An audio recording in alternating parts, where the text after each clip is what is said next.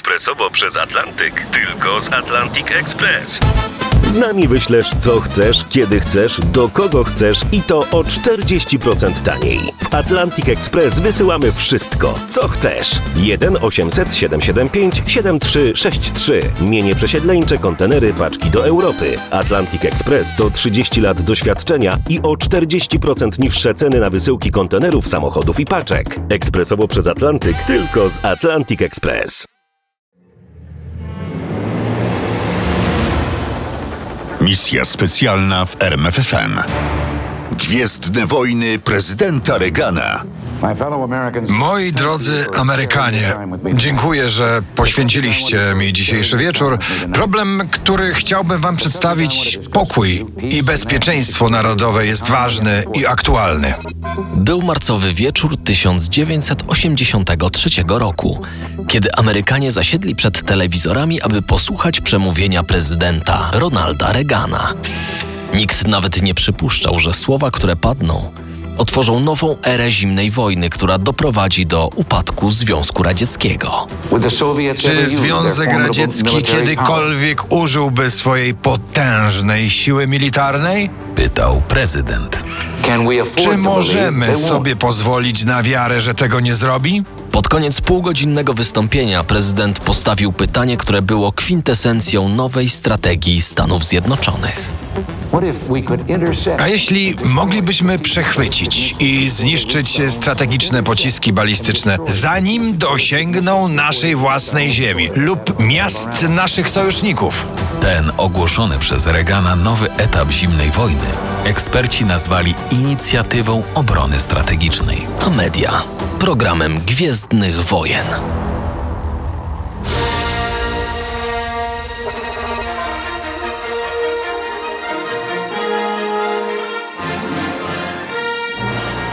Czym właściwie był program, który nazwę zawdzięczał George'owi Lucasowi i jego kultowej serii Star Wars? W jakiej mierze pomysł prezydenta Reagana przyczynił się do bankructwa ZSRR? I przechylenia szali zwycięstwa w zimnej wojnie na korzyść USA. Podobno pierwszy sformułowania Gwiezdne Wojny użył senator Ted Kennedy, młodszy brat Johna F. Kennedy'ego.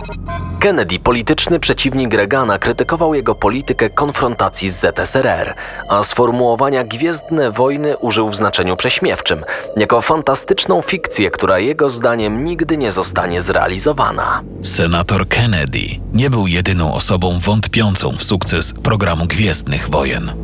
Były ich całe armie. Zarówno wśród senatorów, jak i naukowców oraz generalicji. I w dużej mierze oni wszyscy mieli rację. Program obrony strategicznej sięgał daleko poza możliwości techniczne lat 80. XX wieku. Pracowano nad skonstruowaniem rakiet przeznaczonych do niszczenia radzieckich międzykontynentalnych pocisków balistycznych, których realizacja pozostała jednak tylko w fazie projektu.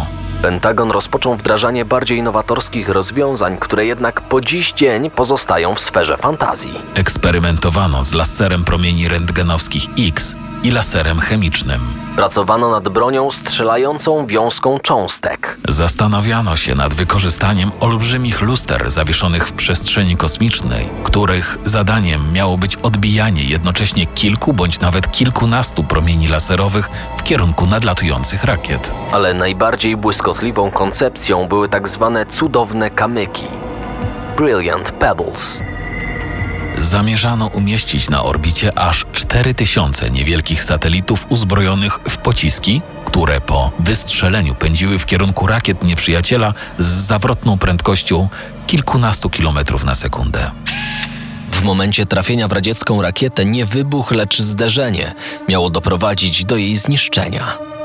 Nad cudownymi kamykami pracowano przez 8 lat za prezydentury Reagana i jego następcy, George'a Busha seniora. Program zarzucono dopiero w 1994 roku, trzy lata po upadku ZSRR, już za prezydentury demokraty Billa Clintona. Nie udało się wykorzystać cudownych kamyków. Odłożono do szuflad projekty broni laserowej. Nikt w najwyższym dowództwie Armii Stanów Zjednoczonych nie wierzył, że zbudujemy Gwiezdne Wojny. Ale jeśli uda nam się przekonać Rosjan, że przeżyjemy pierwsze uderzenie, wygramy tę grę.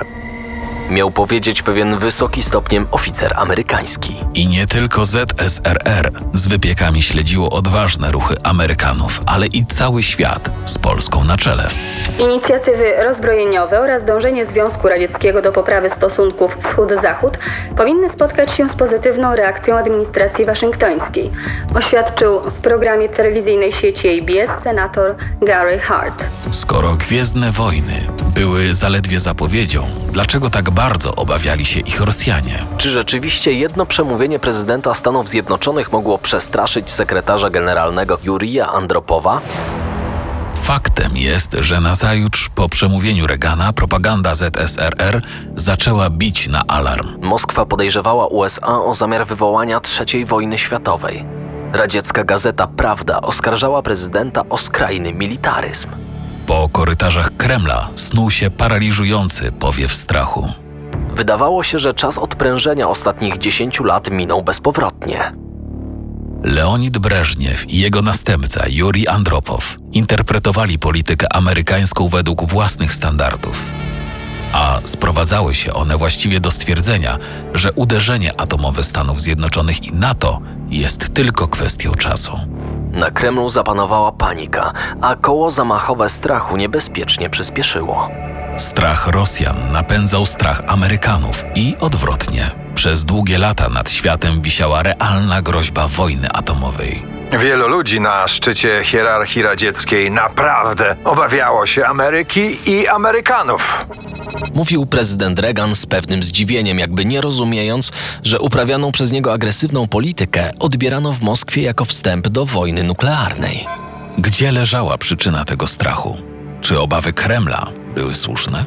Od kiedy Ronald Reagan zasiadał w gabinecie owalnym Białego Domu, armia amerykańska przeprowadzała nieustanne ćwiczenia i manewry na morzu, na lądzie i w powietrzu.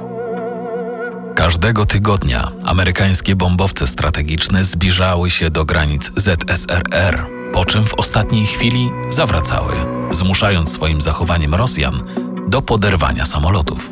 Amerykańskie okręty podwodne podpływały niebezpiecznie blisko jednostek radzieckiej marynarki wojennej, z czego zresztą często Rosjanie nie zdawali sobie sprawy. A wszystko jedynie po to, by dowiedzieć się, jak sprawna jest armia radziecka. Ta nadzwyczajna aktywność armii amerykańskiej zmusiła Moskwę do rozpoczęcia akcji szpiegowskich na szeroką skalę. KGB interesowało wszystko. Termin rozpoczęcia manewrów amerykańskiej floty na Pacyfiku, Grafiki rozmów telefonicznych premierów NATO, godziny gaszenia świateł w ministerstwach obrony państw Europy Zachodniej, a wszystko po to, by Andropow dowiedział się, co szykuje Reagan. I dowiadywał się. Analitycy KGB późne pory gaszenia świateł w ministerstwach interpretowali jako intensywne przygotowania do wojny. Nie przyszło im do głowy, że tryb pracy w godzinach wieczornych przewiduje sprzątanie gabinetów. Wysoką częstotliwość rozmów między Waszyngtonem, Londynem, Paryżem i Bonn odczytano w Moskwie jako ostatni etap przygotowań do ataku nuklearnego. Juri Andropow, bombardowany niepokojącymi wiadomościami z za żelaznej kurtyny oraz analizami wywiadowczymi nadsyłanymi z KGB, powoli popadał w paranoję. Niezupełnie rozumiejąc, do czego zmierza szaleństwo Reagana. Dopóki nie zaczęto się go bać, Moskwa traktowała Reagana jako krzykliwego kowboja o dość ograniczonych zdolnościach intelektualnych. Taka opinia nie była wcale odosobniona. Henry Kissinger, zawodowy dyplomata i doradca poprzednich amerykańskich prezydentów, zdawał się podzielać te opinie. Kiedy rozmawia się z Reaganem, człowiek czasami dziwi się, że ktoś tak szalenie a intelektualny zdominował Kalifornię na 8 lat, a w Waszyngtonie dominuje już od prawie 7. Reagan był przez jednych uważany za politycznego analfabetę, przez innych chwalony za bystrość umysłu. Kiedy jedni zarzucali mu sklerozę, inni twierdzili, że miał fenomenalną pamięć. Zatem jaki był naprawdę? Na pewno wymykał się stereotypowemu obrazowi polityka. Był nieprzewidywalny. Dlatego wzbudzał obawy i strach. Andropow często zastanawiał się, co może strzelić do głowy temu szaleńcowi. Pomijając kolejny suchar o ZSRR, bo tymi prezydent strzelał na prawo i lewo. Sytuacja dzieje się w ZSRR. Idzie sobie ulicą dwóch gości. Jeden z nich mówi: Czy my naprawdę osiągnęliśmy już e, pełny komunizm? Czy to to? Czy to teraz? Pełny komunizm. A drugi odpowiedział: O nie, będzie znacznie gorzej. Ta. Szaleniec tymczasem otoczył się doskonałą ekipą ekspertów. To oni wprowadzili prezydenta w grę, która miała zapewnić pokój, lecz równie dobrze mogła zaprowadzić świat na krawędź wojny nuklearnej. Szybkie tempo wyścigu zbrojeń wymusiło na Związku Radzieckim podniesienie wydatków na wojsko. Zwiększenie na żądanie USA wydobycia ropy przez Arabię Saudyjską podkopało budżet ZSRR. Wymuszony na sojusznikach NATO zakaz sprzedaży licencji na najnowszy sprzęt wojskowy czy informatyczny zatrzymał produkcję podzespołów do samolotów, okrętów i czołgów. Przepaść technologiczna między armią amerykańską i radziecką rosła. Andropow wiedział, że czym dłużej będzie zwlekał z uderzeniem na państwa NATO, tym szanse zwycięstwa w wojnie będą mniejsze. Ale czy Andropow naprawdę chciał zaatakować kapitalistyczny Zachód? Z pewnością nie chciał stracić przewagi strategicznej, którą ZSRR posiadało od lat 60. A być może zdawał sobie sprawę z jeszcze jednego zagrożenia. Sekretarz generalny wiedział, że ściganie się z najsilniejszą gospodarką świata doprowadzi ZSRR do gospodarczej ruiny. Andropow nie dzielił się tymi obawami na forum Komitetu Centralnego Partii. Wszelkie próby osiągnięcia przewagi wojskowej nad ZSRR są daremne. Związek Radziecki nigdy nie pozwoli im odnieść sukcesu. Przekonywał Andropow. Kreml podjął kroki zaradcze. Postanowiono zwiększyć produkcję rakiet międzykontynentalnych i zainstalować pociski z głowicami jądrowymi na okrętach podwodnych. To one miały zadać decydujący cios Stanom Zjednoczonym. Uderzenie miało wyjść spod powierzchni Atlantyku, gdzieś nieopodal wybrzeża Ameryki, tak aby ominąć tarczę antyrakietową. Decyzje Moskwy były odpowiedzią na kroki Waszyngtonu i niewątpliwie niosły ze sobą większe prawdopodobieństwo wybuchu wojny. W 1979 roku dowództwo Armii Radzieckiej opracowało plan gry wojennej. Siedem dni do Renu. Ćwiczono ją rok w rok przez całe lata 80. Scenariusz zaczynał się uderzeniem atomowym NATO na Polskę, w wyniku którego przewidywano śmierć około 2 milionów ludzi. W odwecie konwencjonalne wojska Układu Warszawskiego miały zaatakować RFN, Holandię, Belgię. Ofensywę na Danię miały przeprowadzić dywizje polskie. Planowano uderzenia jądrowe na miasta niemieckie, austriackie, duńskie, holenderskie i belgijskie. Wśród celów dla broni atomowej nie wymieniono miast Francji i Wielkiej Brytanii. Powód tej decyzji mógł być prozaiczny. Były to tylko ćwiczenia, a nie plan prawdziwej wojny. Czy rzeczywisty plan istniał i teraz znajduje się gdzieś w tajnych archiwach Moskwy, schowany głęboko przed niepowołanymi oczami? Tego nie wiadomo. A jednak mimo tajemnicy jakieś informacje wyciekły do mediów i zrodziły plotkę mówiącą o zamiarach rozpoczęcia III wojny światowej przez ZSRR w roku 1984. Podobno wszystko było już przygotowane. Podobno magazyny pękały od sprzętu i amunicji. Czołgi zamierzano rzucić na Europę Zachodnią, okręty wypuścić na Atlantyk, by odcięły Europę od dostaw z USA. I wtedy nastąpił wypadek, który budzi kontrowersje, a nawet prowokuje spiskowe teorie po dziś dzień.